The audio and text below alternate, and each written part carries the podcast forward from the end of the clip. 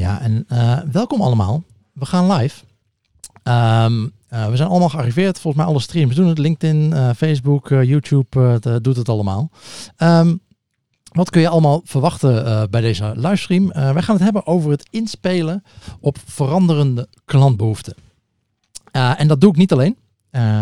daar heb ik Nico voor. Ehm, eigenlijk uh, vooral omdat Nico op LinkedIn live wilde. dus bij deze, dat, hebben we, dat hebben we afgevinkt. Um, maar wat, uh, uh, even een korte introductie voor, van Nico. Uh, tijdens zijn studie toegepaste communicatiewetenschappen wist hij al dat hij ondernemer wilde worden. Uh, maar waarin, dat wist hij nog niet. Uh, wel dat hij daarvoor ervaring en een skillset nodig had. En om dat te, op te doen, startte hij in de sales bij een internationale organisatie. Vervolgens zijn carrière in de marketing bij Wegener. En werd hij online marketing specialist bij MBO Amersfoort. En door de opvallende resultaten daar voor studentenwerving werd hij gevraagd om de marketingstrategie voor de stad Amersfoort op te tuigen en te implementeren. Hele, hele toffe stad uh, sowieso, Nico. Ik heb er ook uh, een paar jaar gewoond. Mooi. Um, en ja, ook daar mooie resultaten die hem in het vizier bracht van marketingbureaus. Vanaf 1 juni 2016 is hij met zijn eigen bedrijf bezig en adviseert hij nu dagelijks ondernemers en marketeers bij nationale en internationale bedrijven. En dus bij deze, Nico de Jong, 37 jaar jong, strateeg, pragmaticus, man met een plan. En ik ga hem vandaag de hemd van het lijf vragen. Hallo, welkom Nico. Dankjewel. Hoe is het ermee? Hou je het een beetje het, uit? Uh, het uh, gaat heel erg goed. Het is mooi weer, dus uh, ik, ja, lekker, ik, geniet volop. Ja, e- echt een half uurtje geleden liep ik nog met mijn zoontje rondje door het dorp heen. Dat is prachtig weer hier. Ja. Even kibbeling gehaald bij de plaatselijke visboer. Ja, heerlijk. Ja, dat, is, dat is wel echt genieten. Nou, ik ja. zat ook net lekker in de tuin om even wat belletjes te plegen. En dan, ja. ja, daar kan ik ook wel echt van genieten als je zelfstandig ondernemer bent. Ja, dat is lekker hè? Ja. Um, sowieso trouwens, uh, voor de mensen die, uh, die dit aan het uh, bekijken zijn, je kan, je kan meedoen. Uh, niet qua video, dat hoeft niet. Je, je kan gewoon je video uit laten staan. Maar in de chat wel.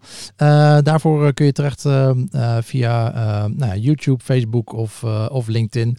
Als je daar zit te kijken, typ gewoon wat in de, in de comments. dan zien we dat en dan, of dan zie ik, zie ik dat.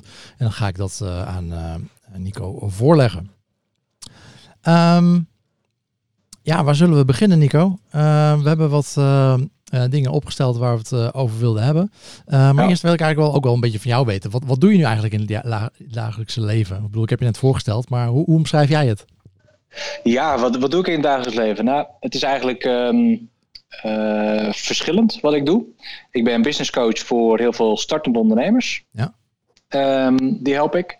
Uh, daarnaast doe ik veel uh, projecten, strategische opdrachten voor vaak de wat grotere bedrijven, MKB, uh, maar ook corporates. en ik geef veel trainingen en lezingen. Dat, dat vind ik ook echt, echt heel erg tof om te doen. En wat voor opdrachten zijn dat dan? Um, de opdrachten bij de corporates, uh, dat zijn vaak in, in, eerste instantie altijd de hele strategie uitwerken. Dus een hele marketingstrategie. Dus ja. uh, ze hebben vaak een bepaalde behoefte. Ze willen iets in de markt zetten. Uh, of ze willen het hele bedrijf anders positioneren. daar ga ik de hele strategie voor optuigen. Dus wat wil je bereiken, bij wie en hoe ga je dat aanpakken? Um, vervolgens ook de hele implementatie van de strategie. En dan haal ik ook vaak uh, uh, ja, uh, meerdere professionals haal ik erbij. Mm-hmm. Die bijvoorbeeld ook Google AdWords inrichten, die CRO doen. die ervoor zorgen dat de content gemaakt wordt. Hè. Dus ik zie me dan zelf meer als, als projectleider. Ik schrijf zelf ook wel veel content als het nodig is. Maar ik vind het ook wel lekker als je een team om je heen hebt die gewoon dat soort dingen voor je doen. En ehm, moet ik dan denken aan digital-only projecten of, of beide? Nee, het is beide. Ja, kijk, het is, mijn, mijn expertise zit er voornamelijk in online. Mm-hmm. Um, maar kijk, in de basis is natuurlijk gewoon marketing is online en offline met elkaar verbinden. Ja. Uh, als je een offline event doet, dan kun je niet zeggen, ja, we doen alleen digital. Ja. En uh, nou ja, we gaan het vandaag hebben over online inspelen op veranderende klantbehoeften. Ja. Uh, nou ja, vertel maar, wat is de afgelopen tijd veranderd? Nou, Wat niet? Er is, er is veel veranderd. Hè? Maar alleen, het is denk ik ook wel het leuke. Ik had het er van de week nog met mijn vriendin over van... Het zou wel eens leuk zijn om het niet over corona te hebben. Ja, want, het zou fijn zijn. Uh, ja, het zou fijn zijn. Maar het is natuurlijk in feite... Kijk, we, we corona is nu gebeurd. Um, maar de grap is... Corona is natuurlijk niet het enige wat er verandert in de wereld. Ik bedoel, er verandert eigenlijk continu uh, verandert er van alles. Dus ehm, ja, behoeftes veranderen. En, en dat is ook waar je wel bovenop moet zitten. Ja. Maar is dat, is dat uh, behoeftes veranderen altijd wel? Uh, wat zie je in deze periode specifiek? Zie je iets specifieks gebeuren bij, uh, bij jouw klanten? Ja, kijk, het wordt digital only. Dus dat betekent dat mensen natuurlijk niet meer kunnen afspreken. Offline valt natuurlijk grotendeels weg. Ja. Um, maar wat je ook wel ziet gebeuren is dat mensen gewoon even niet weten wat ze moeten doen.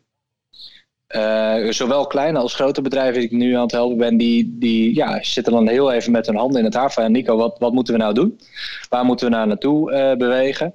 En dan help ik ze juist weer een bepaalde kant op. Een uh, bedrijf wat ik momenteel met een, grote, met een groot offline event was ik aan het helpen. Mhm.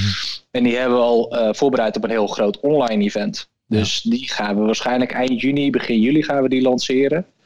Nou, ik zei over jou, als je nu een jaar stil gaat zitten, ik zeg ja, dan kun je niet van waarde zijn voor je klanten. En dat is juist wat ze wilden met dat event. Dus gaan we hem nu compleet online doen. Maar moet je wel op zoek naar, in plaats van alleen maar Zoom en alleen maar WebEx of alleen maar uh, Teams, moet je wel kijken naar ja, wat is dan een andere soortige uh, vorm waar je dat kunt aanbieden. Dat het toch een goed congres is, maar niet alleen maar Zoom. Ja, precies. Want het, het, moet, dat is het gevaar natuurlijk bij dat soort uh, online evenementen. Dat het eigenlijk een soort YouTube-playlist wordt. Uh, waarbij je gewoon allemaal filmpjes achter elkaar aan het afspelen bent. Nul interactie. Um, ja, en dat was het dan. En dat is natuurlijk niet de engagement uh, die je wil hebben bij Slopper Event. Tenminste, voor mij als ik naar events ga. Nee. Uh, die, die, sessies, dat, dat, dat, is, dat is de reden waarom je het kaartje koopt. Maar de echte waarde zit in het netwerken eromheen. Die connectie leggen met die mensen. Ja. ja. dus ik ben benieuwd, hoe gaan jullie dat dan aanpakken? Nou, wat ik heb gedaan is, uh, ik heb in, mijn in de markt rondgevraagd en bij heel veel keynote speakers ook gewoon uh, lijntjes uitgezet van jongens, uh, wat heb je gehoord in de markt? Wat zie je gebeuren? Wat, zijn er nieuwe platformen in de maak? En dat is uiteindelijk dat is geresulteerd in iemand die me tipte, die zei van hé, hey, we zijn nu met een platform bezig waarbij je daadwerkelijk een congres kunt geven met een green screen, met een regiekamer erbij, met daadwerkelijk een zaal waarbij je de mensen echt in je zaal kunt zien, zeg maar. Ja. En ja, dat, dat is wel echt heel vet. Als dat daadwerkelijk straks eind juni live kan plaatsvinden, dan kun je daadwerkelijk de interactie aangaan met je publiek. Je kunt vragen stellen, je kunt breakout sessies doen, je kunt expert sessies, één op één sessies doen. En dat gaat natuurlijk veel verder dan alleen maar Zoom.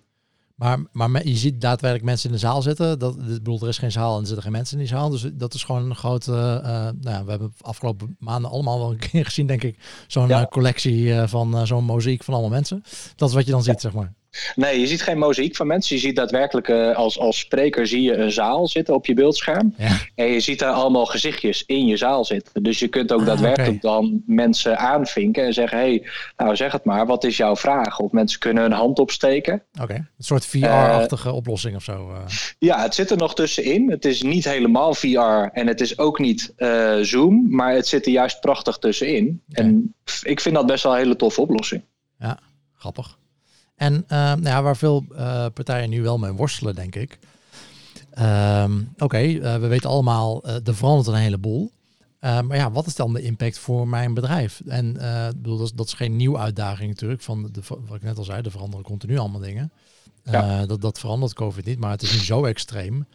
Um, ja, hoe, hoe, adviseer jij klanten dan om, om nu achter die klantbehoefte te komen? Wat, wat is die veranderende klantbehoefte? Hoe, hoe kom je daarachter en hoe speel je daarop in? Nou, kijk, het is, het is sowieso wat ik uh, vanmiddag al in mijn post zei, is dat je een bepaalde manische nieuwsgierigheid moet hebben als, als marketeer of als ondernemer. En dat is ook wel wat ik wil meegeven vandaag aan de mensen, is dat je echt manisch nieuwsgierig wordt. Niet manisch depressief, maar manisch nieuwsgierig. Um, kijk, de verandering die vindt constant plaats. Dat is, dat is gewoon een feit. Dus uh, ja, dat we nu ineens allemaal best wel heftig veranderen door corona. En dat is een logische. Maar het is niks meer en niks minder dan gewoon een verandering. Dat het heftig verandert, dat, dat klopt natuurlijk. Maar ja, dat betekent wel dat je uh, inzicht en overzicht moet creëren voor jezelf. En inzicht en overzicht creëer je bijvoorbeeld door de data in te duiken. Uh, door een expert erbij te trekken. Uh, door daadwerkelijk je tentakels in de markt uit te zetten. Wat gebeurt er in de markt? En dat je, met, uh, dat je op LinkedIn kijkt van wat, wat zegt iedereen, wat gebeurt er allemaal. Maar dat je ook met verschillende ondernemers gaat praten. Hoe gaat het bij jou? Uh, dat je met mensen uit alle lagen van de bevolking gaat praten.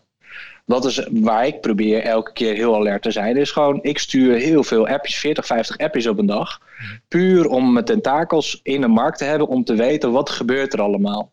Wat zijn de veranderingen? Waar speel je op in? Zodat ik niet alleen uh, uh, mijn tentakels daar heb, maar dat ook mensen mij tippen van: hey Nico, dit staat er te gebeuren.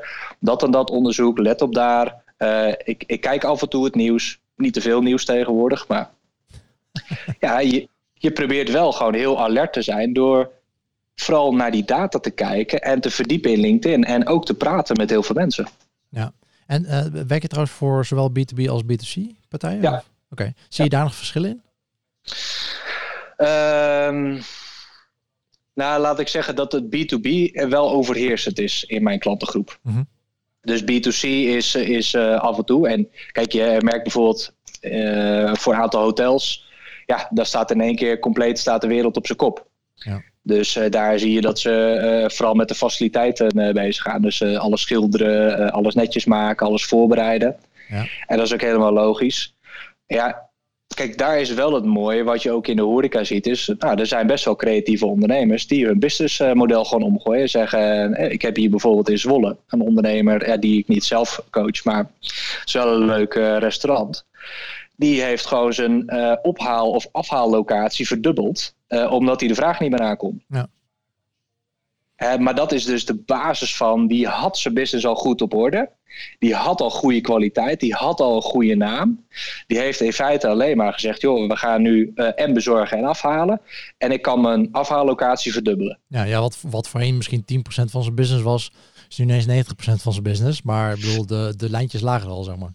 Ja, ja, en dat is natuurlijk wel het fundament. Hè. Je moet als ondernemer natuurlijk daarvoor moest je al goed bezig zijn. En je moet je fundament eigenlijk al op orde hebben. Ja. Want als je dus... Kijk, maak nooit een plan in een crisis. Maak altijd een plan voor de crisis.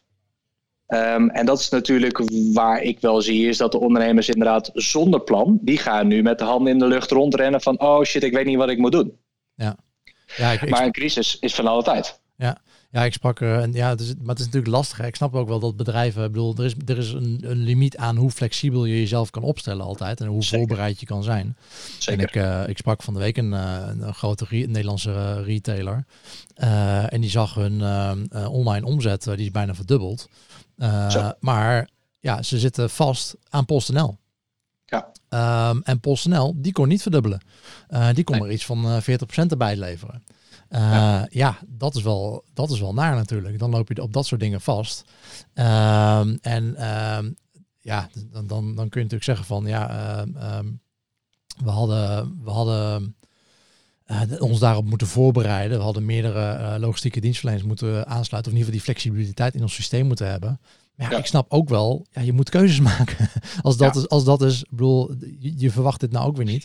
Je, Ehm, kunt niet alles, je kunt niet alles voorzien. Nee, precies. Maar ja, die zitten nu dus wel uh, met de handen in het haar. En uh, die moeten uh, ja, flink bijschakelen om te kijken van ja, hoe kan ik nu Ja. ineens toch even andere vervoerders misschien aansluiten op mijn logistiek systeem. En op mijn klantenservice en op al. Ik bedoel, dat, dat hangt natuurlijk op, op heel veel dingen in. Ja. Dat is natuurlijk het lastige hieraan.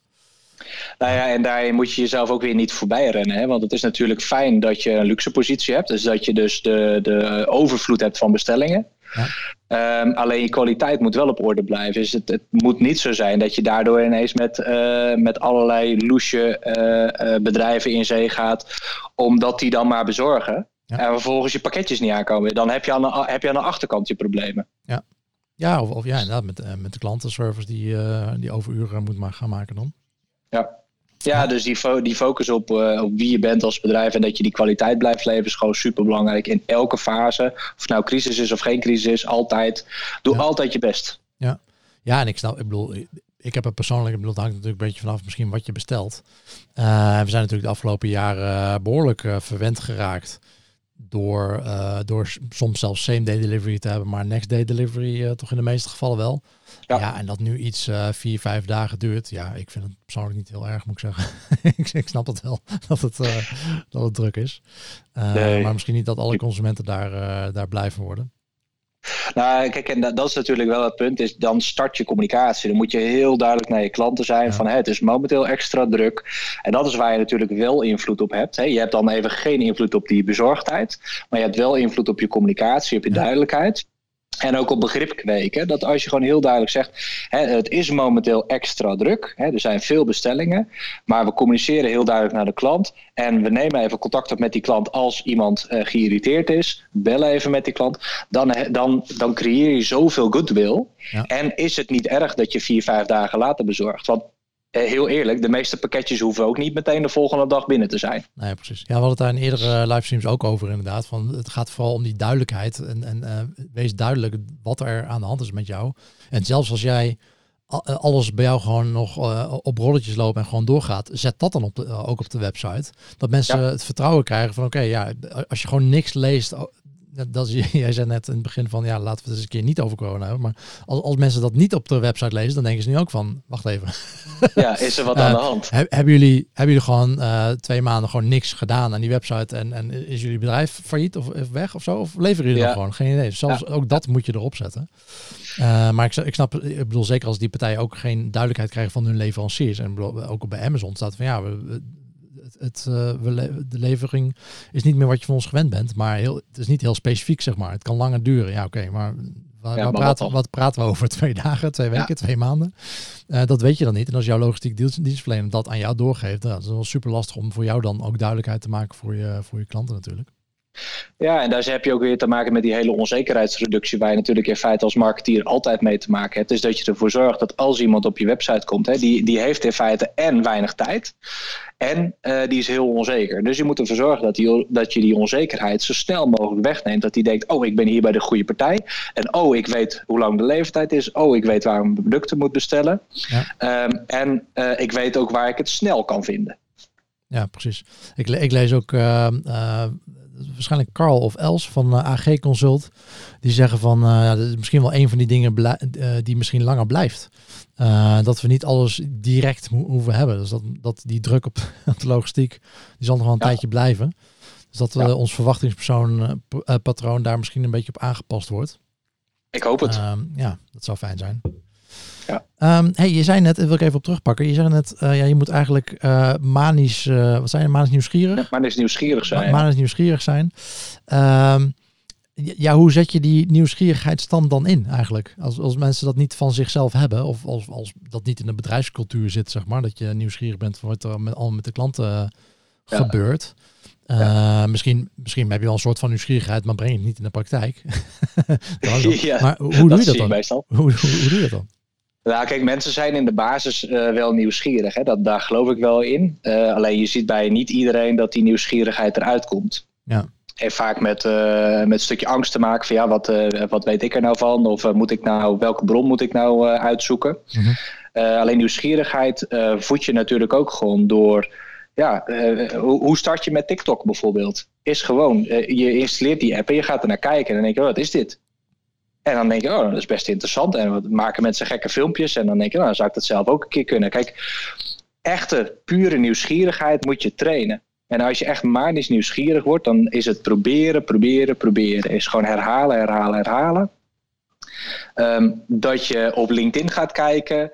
Um, maar als jij het inderdaad lastig vindt om heel nieuwsgierig te zijn, um, huur dan iemand in die wel manisch nieuwsgierig is en die het voor ja. jou doet.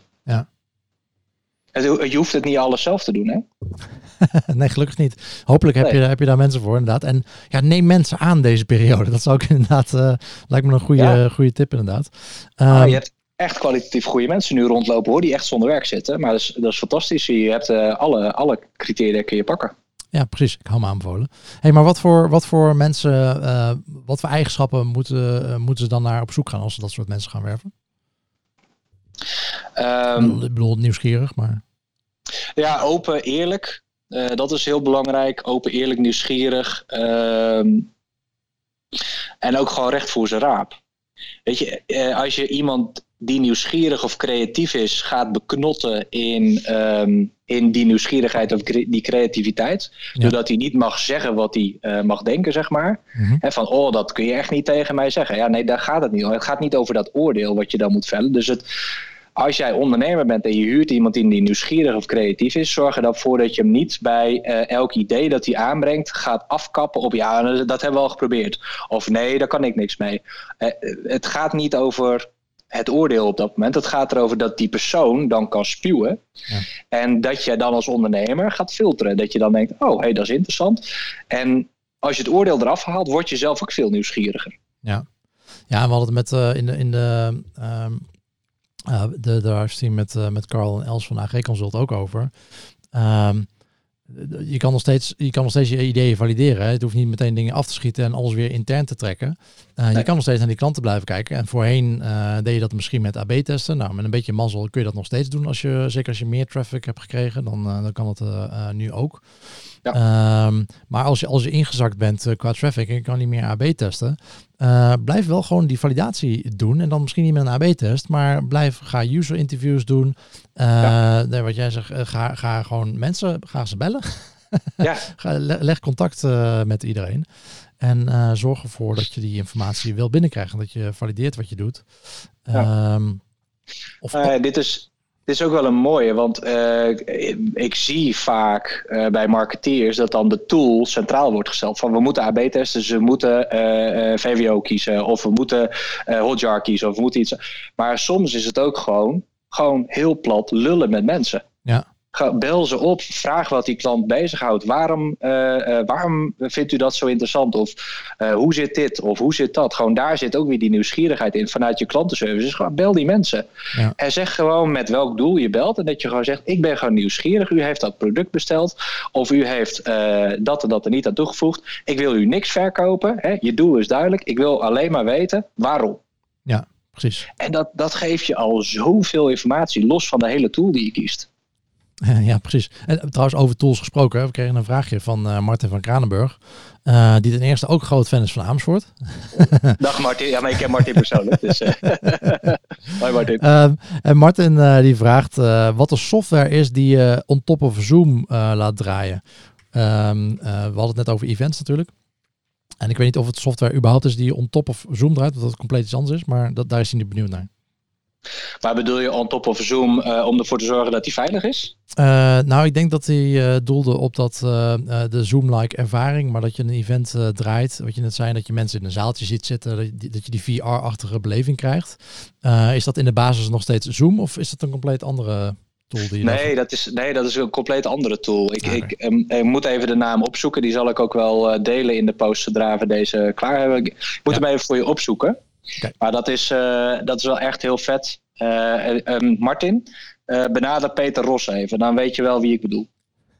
Hij bedoelt Peter Rosse, denk ik. de, de vraag die stelde hij in, op, op Facebook. Dus daar kun je het antwoord geven na de livestream. Ja, dat zal ik doen. Um, ja, en uh, wat we ook even in het uh, voorgesprek uh, over gehad. Um, en die komt vaker voor, denk ik. En, en nu misschien nogal meer. Dat, dat weet ik niet. Dat mag jij eens vertellen. maar dat data de discussies dood. Ja. Vertel. Ja, kijk, het is heel plat en heel simpel. Data dood discussies altijd al. Dus als je met data aankomt zetten en je kunt het bewijzen en je kunt daadwerkelijk zeggen, kijk, dit doet het beter dan dat. Ja, wie ben ik dan als marketeer om te zeggen, ja, nee, maar, maar, maar ik vind dat het anders is. Ik, ik heb uh, heel vaak met klanten dat ik gewoon zeg, nou, we zetten een kratje pils ertussen en we gaan de data het verhaal laten vertellen. Ja. Uh, waar komen de meeste conversies uit? Waar komen de meeste klanten uit? Uh, wat doet het het beste? Um, de data, de discussie. Wilma Kaptein die vertelde mij deze, uh, deze uitspraak, data, de discussies. Ja, fantastisch. Ja.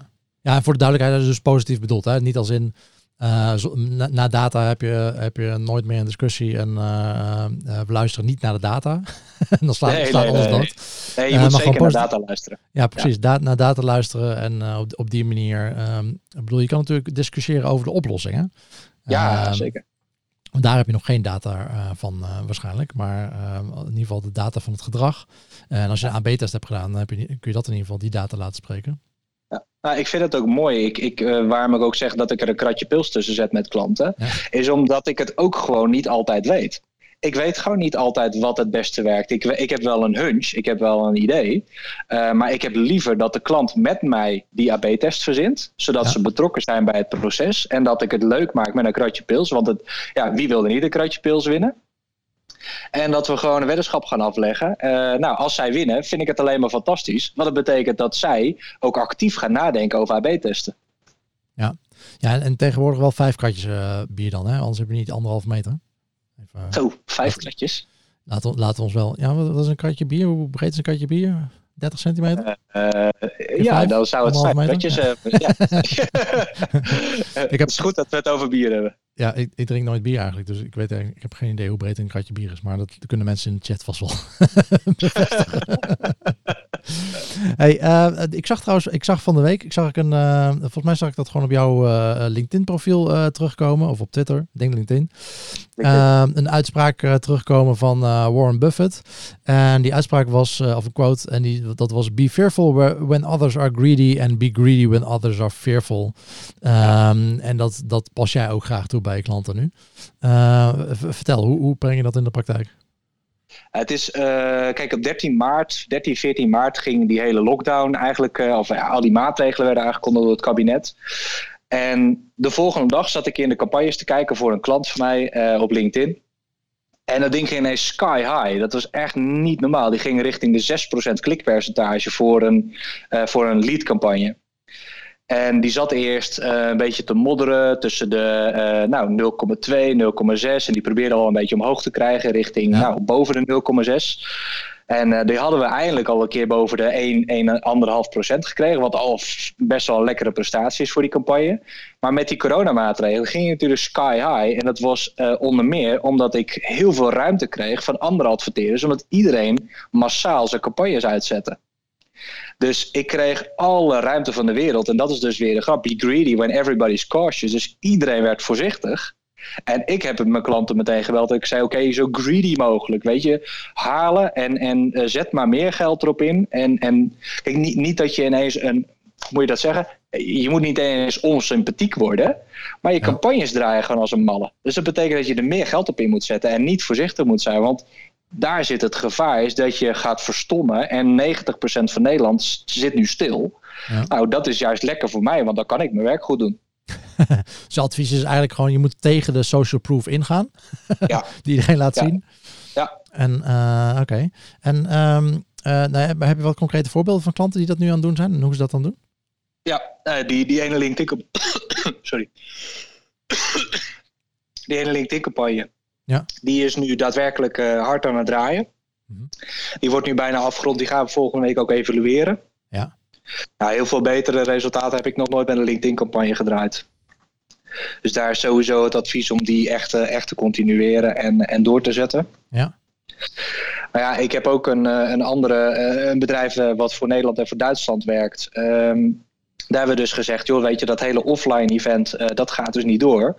Maar dat online event gaan we dus wel doen. Dus dat betekent ook daar dat je gewoon wel nu zichtbaar moet zijn. Ja. Ondernemers die ik aan het coachen ben, zelfstandig ondernemers, die inderdaad waren geschrokken van: hé, hey, wat moet ik nu met mijn klanten doen? Ik heb ze allemaal opgedragen om daadwerkelijk nog een acquisitie te gaan doen. En met een goed voorstel te komen naar die klant en daadwerkelijk bezig te gaan. En die, die koppelen allemaal stuk voor stuk terug. Hé, hey, het is toch gelukt. Ik heb toch die klant weten binnen te halen. Ja, ja, precies. Want dan ga je anders ga je aannames doen voor die klant. En dat is gewoon echt dodelijk op dit moment, aannames. Ja, ja we krijgen nog wel een goede uh, reactie van, uh, van Carl ondertussen. Die zegt ook van, um, als je het nu goed doet, dat je moet gaan afvragen van, um, ja, komt dat doordat je het goed doet? Door heb je een betere aanpak? Of komt dat gewoon door de situatie? Ja, het is bij die, bij die klant waar ik die LinkedIn-campagne draai, daar is het een combinatie van factoren. Ja. Kijk, corona geeft mij de ruimte omdat gewoon ineens alle adverteerders uh, stoppen. Ja. Dus mijn uh, CPC gaat naar beneden, mijn CTR gaat omhoog. Mhm. Uh, dus ik krijg meer resultaten voor hetzelfde geld. Ja. Maar we hebben natuurlijk ook, daarvoor waren we al continu aan het AB testen met verschillende visuals, met verschillende teksten. En zaten we net op zo'n doorbraak dat we al richting die 1,5% gingen. En toen die corona er nog overheen. Dus dat zorgde eigenlijk voor een extra stuwing. Dus dat was een combinatie van factoren. Ja, ja precies. Nee, als het alleen om corona gaat, dan, dan doe je daarvoor al iets fout. Uh, ja, nou ja, maar ja, dat hangt er ook een beetje vanaf van hoe lang het dan duurt, hè? Ja. um, kijk, als het bedoel, de, de situatie verandert, maar als dat uh, nog anderhalf jaar door, doorgaat, ook als het dan door, door de situatie komt, kun je daar wel je voordeel bij halen. en zorg er dan in ieder geval voor dat je het, dat je het zo kan gaat turnen dat het ook op de lange termijn goed voor je werkt. Ja, ja, weet je, ik ga met die campagnes door, maar dat is het hele punt. Je, je, je wilt continu kijken wat de verandering is. Hè. Het is net zoals dat je, als je campagne gaat voeren, je stelt hem niet één keer in en vervolgens kijk je er niet meer naar. Wat natuurlijk heel veel startend adverteerders doen, die zetten dat één keer in. Maar je wilt continu wil je, uh, testen en kijken en wat doet het wel, wat doet het niet. Je wilt een aantal hele uh, clean AB-tests maken om vervolgens weer door te gaan naar de volgende test. Ja. Ja. Hey, en uh, nou, liet net al even Cialdini vallen en, ja. en Social Proof. Ehm, de, nu ben ik vooral on-site bezig, maar jij doet het ook met buiten de site om met content marketing en social media. Ja. Ik, ik, ben wel benieuwd, hoe, hoe, pas jij dat toe? Wat zijn concrete dingen die je daarmee doet? Hoe ik Cialdini in het werkelijke leven toepas? ja, nou ja, of bij klanten. ik weet niet wat je in je werkelijke leven doet, of dat je thuis in de thuis, thuissituatie bedoelt. Maar uh, nou ja, je kunt het overal toepassen. Dat, kijk, uh, Cialdini is een beetje mijn mantra. Uh, is een beetje mijn, wat ik vaak zeg, gek, gekscherend. het is mijn bijbel over hoe ik in het leven sta. Ik heb bijvoorbeeld als strategie voor LinkedIn heb ik een geefstrategie. En wederkerigheid in ieder geval dat je het op een oprechte manier documentatie deelt, dat je kennis deelt, dat je daadwerkelijk iets wilt toevoegen ja. en dat je daar niet iets voor terug verlangt. Mm -hmm. Dus dat je ook gewoon zegt, nou, ik geef wat en geef je er wat voor terug, prima. Geef je er niks voor terug, ook prima. Ja. Dat is een voorbeeld.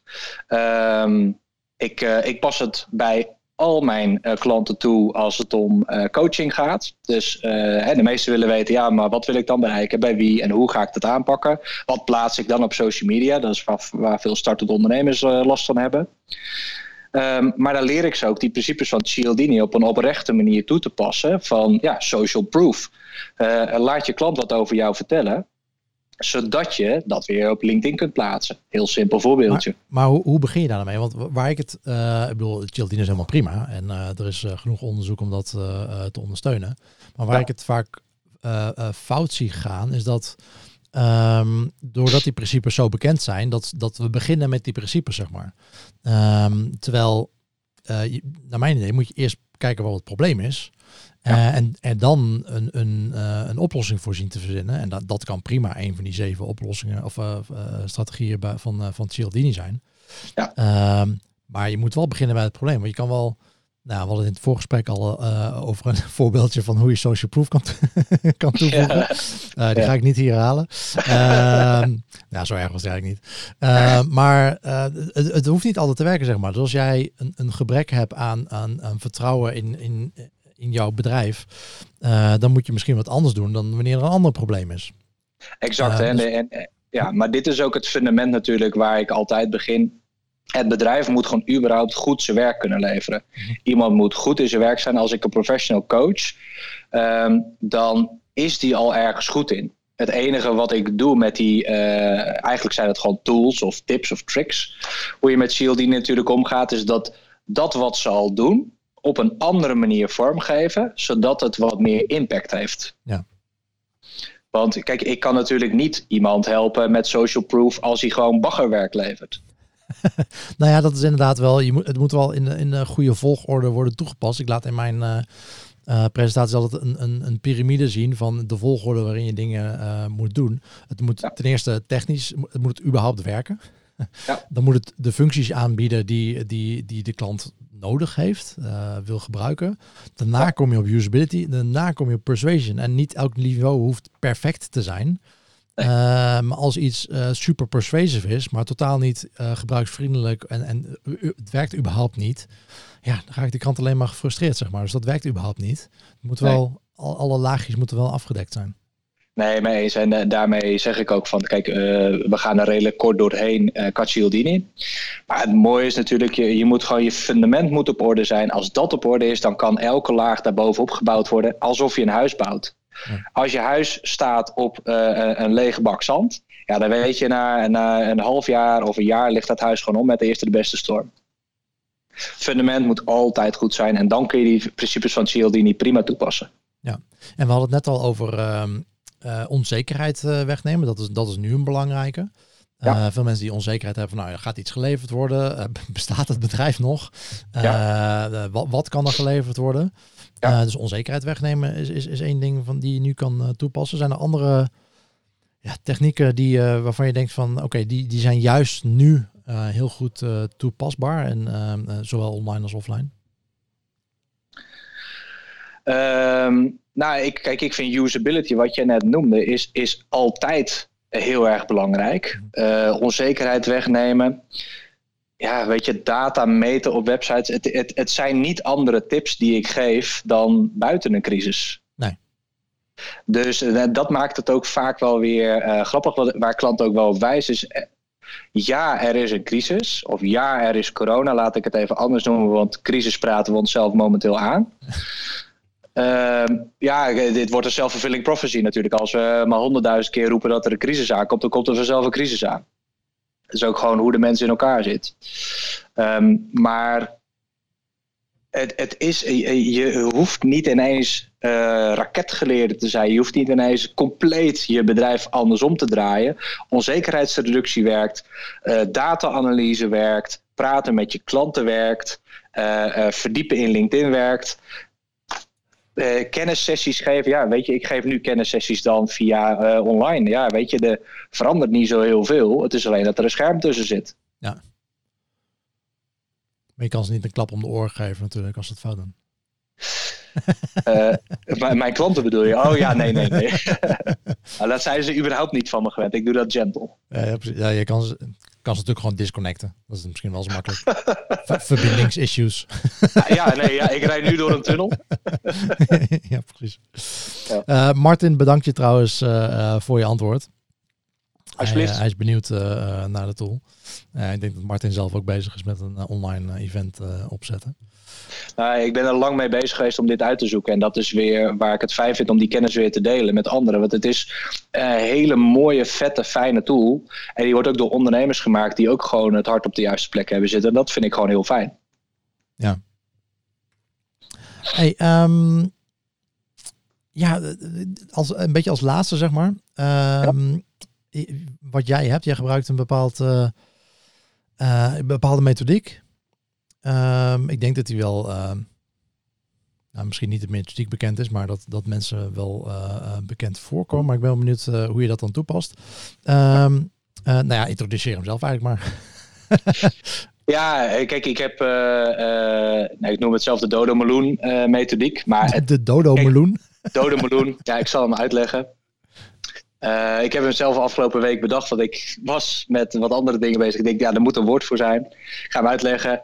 Uh, het gaat in feite over vijf hele simpele stappen. Denken, doen, meten, leren en opschalen. Uh, als je kijkt naar agile werken, scrum methodiek, lean startup, uh, growth hacking, weet je, er, zitten, er zijn zoveel methodieken en er zijn zoveel moeilijke termen voor. Ik heb gewoon gekeken naar al die methodieken en, en dat ik dacht, ja, maar het eigenlijk gewoon in de basis denken, doen, meten, leren, opschalen en daar een cyclus van maken.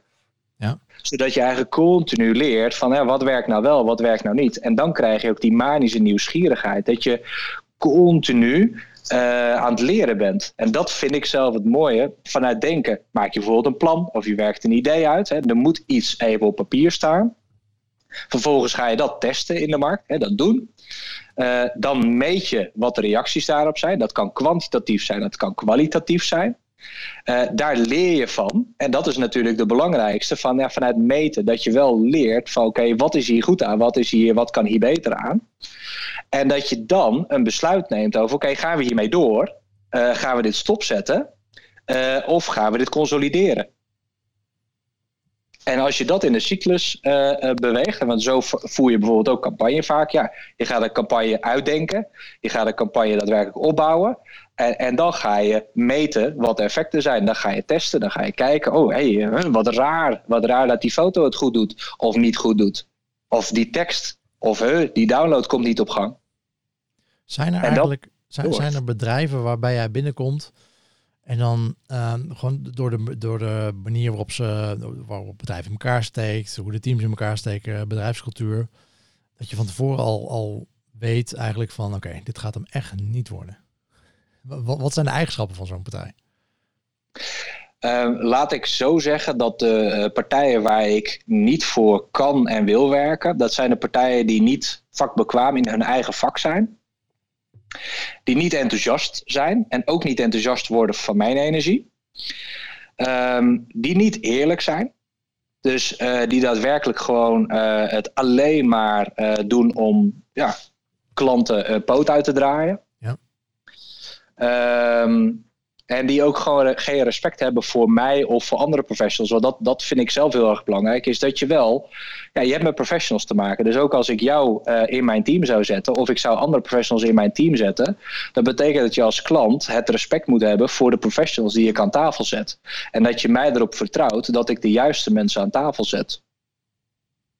Dus dat, dat zijn eh, en, en daarom kijk ik gewoon altijd heel simpel naar: lijkt een klant op mij qua normen en waarden? Ja. Uh, zo ja, hè, enthousiasme en oprecht werken en dat je daadwerkelijk vakbekwaam bent. Als dat voorkomt, kan ik heel goed met je werken. Als het niet voorkomt, zal ik geen stap binnen je deur zetten. Ja, ja precies. Nou ja, over normen en waarden. Ik las, ik denk uh, vanmorgen, ik denk ook dat het op, nee, het was niet op nu.nl. Ergens anders, maar uh, ik bedoel, het bedrijf dat wel vaker voorbij komt in, in deze podcast als voorbeeld is Booking.com. Oh ja, ik heb vanochtend nog gelezen. Ja. Uh, dat heb je waarschijnlijk hetzelfde gelezen. Maar dat die. Uh, Social. Uh, dat, dat ging over het aanvragen van, ehm, eh, van ja, de noodhulp, zeg maar. Die ze, die ze nu aangevraagd hebben. De afgelopen jaren natuurlijk miljarden uitgekeerd. Ze, ze doen ja. meer dan menig bedrijf, nee, menig bekend bedrijf bij elkaar genomen. Ja. Ehm, en dan toch in, in, in week twee, zeg maar, meteen al noodhulp aanvragen. Um, en en uh, volgens mij EasyJet uh, deed hetzelfde. Ook meteen uh, ja. bij de overheid aankloppen als het, als het even tegen zit. Ja. En ja, dat, zijn, dat, zijn niet hele, dat, dat voelt niet heel lekker voor heel veel mensen. Dat snap ik wel. Ik bedoel, aan de andere kant, kijk, als het bedrijf gewoon keuzes moet maken van hoe het nu gaat en op basis daarvan beslissingen gaat nemen, ja, dan moeten er heel veel mensen uit. Dat wil je ook niet, zeg maar, als, als samenleving. Nee. nee. Um, uh, maar dat soort, dat soort bedrijven nu niet even zeggen van oké, weet je, uh, we ontslaan gewoon niemand voor een half jaar of, of zes maanden. We nemen ook niemand aan, maar we ontgaan ja. in ieder geval geen mensen ontslaan. Ja. Uh, dat je denkt van nou, dat zou wel een stuk netter zijn dan dat je ja. miljarden, miljarden, miljarden winsten zegt van oh ja, nou maar nu ja, maar dit is natuurlijk een hele interessante discussie. Want dit gaat over beroepsethiek. Dit gaat over normen en waarden die je als bedrijf hebt. Hoe je met mensen überhaupt omgaat. Hoe je met je personeel omgaat. Eh, hoe je met je klanten omgaat. En, als je, en dat zeg ik dus ook. Als je voor de crisis heel netjes met je klanten bent omgegaan. En je komt nu in de betalingsproblemen. Dan vinden jouw klanten het helemaal niet erg om te zeggen. Ik gun jou een langere betalingstermijn. Ja. Maar als je daarvoor al een hufter was en je bent nu nog een grotere hufter, mhm. wat zeggen klanten dan? Ja, middelvinger kun je krijgen, stik er maar in. Dan word je dus geshamed uh, waar je bij staat. En dan denk ik, ja, maar, maar nu komen jouw normen en waarden gewoon heel duidelijk naar boven. Nu, nu zien we wie je bent. Ja, precies. Hey, um, ja, ik denk dat we er wel een beetje doorheen zijn. Uh, krijgen op de chat in ieder geval uh, nog, uh, nou, bij deze laatste oproep, mochten jullie nog vragen hebben, stop ze nu in de chat. dan, dan zien we ze nog. ik krijg in ieder geval van, op, op YouTube van Macrovet de bevestiging dat ik in de breedte aardig goed zat met de 30 centimeter. en ik neem aan dat dit dan heeft over het katje bier. dat is goed. Goeie opmerking. Ehm, ja, en, en um, uh, Carl uh, die zegt van uh, die, die zegt inderdaad, die bevestigt dat wrange gevoel van Booking.com. En ja, ik noemde Booking.com dat die, die heel hier überhaupt al vaak voorbij komt. Maar er zijn meerdere bedrijven die dit nu doen. misschien kan een artikel. Hunkemuller. Ja, ja Bijkorf stond er inderdaad ook in, Hunkemuller ook. Ja. die dat soort dingen nu ook doen. misschien kunnen we het artikeltje nog wel even terugvinden. Dan plaatsen we hem in de show notes. Ja, hij staat sowieso op Sprout Social. Sprout Social staat hij, oké. Gaan we daar even, even kijken. Maar uh, Carl vraagt zich af uh, of dat überhaupt nog uh, lange termijn gevolgen heeft. En hij zegt dat mensen snel vergeten. Uh, je bedoelt de coronacrisis, of die lange gevolgen heeft? Nee, nee, ik denk dat hij doelt op het, uh, op het feit dat die bedrijven, dus die Hunkemuller, Booking, uh, Bijkorf, dat die nu dat soort trucjes gaan uitvoeren. Zeg maar, dat, die jarenlang goed zijn gedraaid. En dan, ja. zodra het even eventjes misgaat, ja. meteen het handje ophouden bij de overheid. Ah, kijk, kijk naar Facebook, hoe die werd geshamed door Lubach. En uh, volgens mij was het een jaar of twee jaar geleden. Toen vertrokken iets van 10, 20.000 mensen van het platform in Nederland. Uh, nu zie ik afgelopen um, januari weer de nieuwe onderzoeken van, van social media en gebruikers. En is Facebook gewoon weer gestegen. Dus ja, weet je, het is allemaal heel erg leuk ja. en aardig. Maar we laten ons ook allemaal in de luren leggen. want we zijn gewoon gewoontedieren. Ja. Um, dus ja, weet je, er gaat niet zo heel veel veranderen. En Booking.com heeft wel gewoon echt een hele prettige app. Dus dat gaan mensen dan zeggen. Ja, nou ja, prima dat ze hun hand ophouden. Ja, ik uh, schuif dat gewoon even weg. Ik stop mijn kop daar in het zand. En ik ga gewoon lekker weer boeken via Booking.com. Want ja. dat is zo'n prettige app. Ja, ja, ja. precies. Ja, als de, als We zijn dat, ook maar mensen. Uh, als, als dat uh, de doorslag geeft, dan, uh, dan zullen mensen het snel vergeten, denk ik. Ja, ja. sowieso. Ik denk, denk dat mensen veel vergeten. Sowieso denk ik dat uh, nou ja, een boeking, uh, ze zullen wel een forse tik krijgen natuurlijk. Ik bedoel, er gaat uh, voorlopig niemand op vakantie wereldwijd. Dus Enorm met tik. ja. Trouwens wel, over, wat ik nog wilde noemen, die bedacht ik net. En ehm, uh, toen we het hadden over, over creatief bezig zijn, uh, door, door je middelen anders in te zetten. Ik las ook een artikeltje over een uh, partij die, die doen vakantiehuisjes. En er is volgens mij nu zelfs een hele app voor die dat, waar vakantiehuisjes zich, of, of exploitanten van vakantiehuizen kunnen aansluiten. En die vakantiehuisjes, die worden nu niet ingezet voor vakantie, maar als thuiswerkplek. Of nou ja, niet thuis dus, maar als werkplek. voor mensen die thuis krankjoren worden. van, van ja. kinderen of van klussende buren of, of wat dan ook. Lijkt mij heerlijk. Ja, en het, het, was nog best goed goedkoop volgens mij. Het was iets van uh, 25 tot 35 euro per dag. 150 euro per week kun je een vakantiehuisje huren. En uh, de paaseitjes stonden klaar. Ze komen met koffie langs. Ik zou het doen uh, als ondernemer. Kijk, ik, ik heb dan geen kinderen, dus ik, uh, ik heb nog het relatief rustig. Ja. Maar ik kan me heel goed voorstellen als je zegt van nou, ik ga even een weekje opsluiten. Uh, stel dat je een boek moet schrijven of stel dat je met een project bezig bent. Ja, sluit je lekker op een week. Dan word je in ieder geval twee keer zo productief als thuis. Of misschien wel vier keer zo productief. Ja, ja dat zal dus zeker werken. Die 25 euro per dag, die verdien je natuurlijk direct terug. Want het gaat over de lange termijn uh, die je daarvoor uh, rekent. Ja, precies. Ja, ik denk wel... Ehm, ja, mijn vriendin gaat het niet in dank afnemen, denk ik, als ik er alleen laat met ons zoontje van anderhalf. Die, dan, moet die, dan moet hij ook vrij nemen, namelijk. Wat raar. daarvoor te zorgen. dat, dat, gaat niet werken. Ja, of we moeten met z'n drieën naar het vakantiehuisje. Maar ja, dan is het hele effect weer weg. Ja, ja. Hey. ja dan wissel je het af.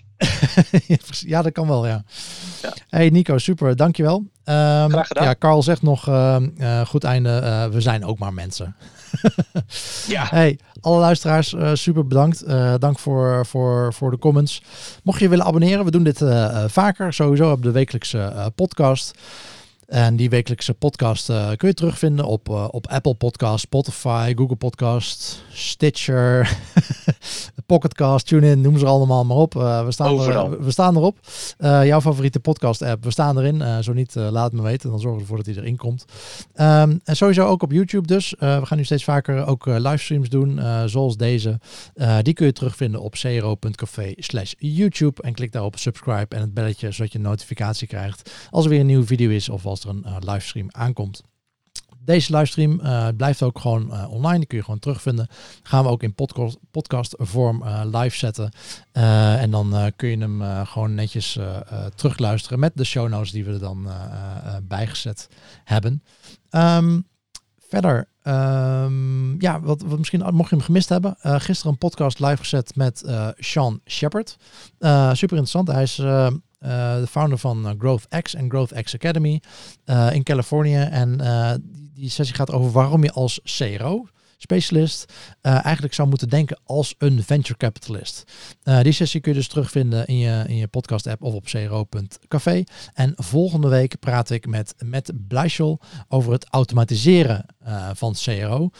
zodat je kan focussen op de fijne dingen van het werk. En dat je die, al die ehm, ja, tedious dingen kan uitbesteden. En dat gewoon, of nou niet uitbesteden, kan automatiseren. Zodat je daar niet druk om uh, hoeft te maken. Uh, ik zou zeggen, tot dan. Blijf gezond. Nico, dankjewel. Luisteraars, dank jullie wel. En uh, ik wens iedereen nog een hele fijne dag. Fijne dag. Doei. doei.